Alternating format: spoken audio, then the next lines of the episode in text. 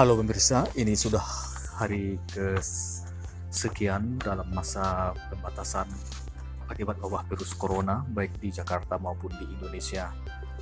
Hingga saat ini masih banyak warga yang belum mengetahui tentang bagaimana alur penanganan COVID-19 ini. Nah, di sini saya akan sedikit memaparkan yang berdasarkan uh, skenario yang dirilis oleh gugus tugas penanganan COVID-19 di Indonesia. Bagi masyarakat yang ingin tahu tentang apakah dirinya terkena COVID-19 atau tidak, maka masyarakat itu langkah pertama yang harus mereka lakukan adalah menghubungi call center BNPB di 117, Kemenkes di 119 eksternal 9, serta di kanal info digital lainnya. Nah, pada saat menghubungi call center tersebut, maka yang ditanyakan adalah apakah pernah kontak dengan terduga COVID-19 atau memiliki salah satu gejala misalnya demam, batuk, sakit tenggorokan, dan sesak napas. Nah, bagi Anda yang tidak, maka Anda akan disarankan untuk melakukan PHBS, dilarang berdekatan dan dilarang berkumpul.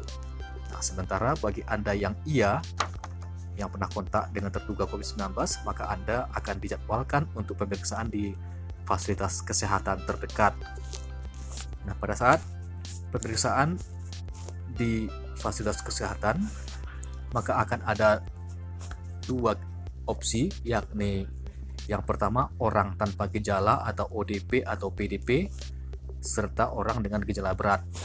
Nah, orang dengan gejala berat akan langsung dirujuk ke rumah sakit rujukan sesuai dengan pedoman. Sementara orang tanpa gejala atau orang dalam pengawasan atau pasien dalam pengawasan akan dilakukan rapid test atau tes cepat.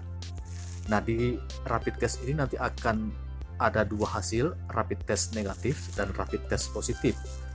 Nah, bagi yang rapid testnya negatif, maka disarankan untuk mengisolasi diri selama 10 hari, kemudian mengulang rapid test jika selama isolasi itu dia mengalami gejala sakit yang memberat maka dia segera disarankan ke fasilitas kesehatan terdekat untuk melakukan tes ulang.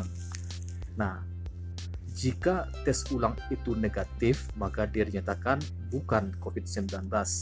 Jika tes ulangnya positif, maka dia akan mengalami tes PCR atau swab selama dua hari berturut-turut. Nah, jika negatif, maka dinyatakan bukan COVID-19, jika positif, maka dinyatakan terkonfirmasi COVID-19 tanpa gejala dan disarankan untuk mengisolasi diri di rumah. Nah, sementara untuk yang tadi ODP, PDP atau orang tanpa gejala yang mengalami hasil rapid test positif, maka dia akan langsung menjalani PCR atau tes swab selama dua hari berturut-turut jika hasilnya positif, maka dia terkonfirmasi COVID-19. Jika negatif, maka dinyatakan bukan COVID-19.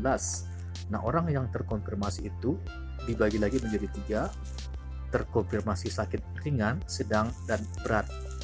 Bagi yang sakit ringan, akan ada isolasi diri di rumah, sedang yang sakit sedang akan dirujuk ke rumah sakit darurat, serta mereka yang sakit berat akan dirujuk ke rumah sakit kerujukan.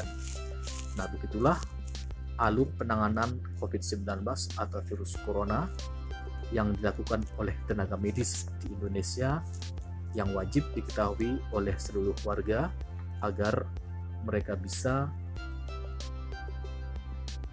memberitahu apakah mereka terduga terinfeksi virus corona atau tidak.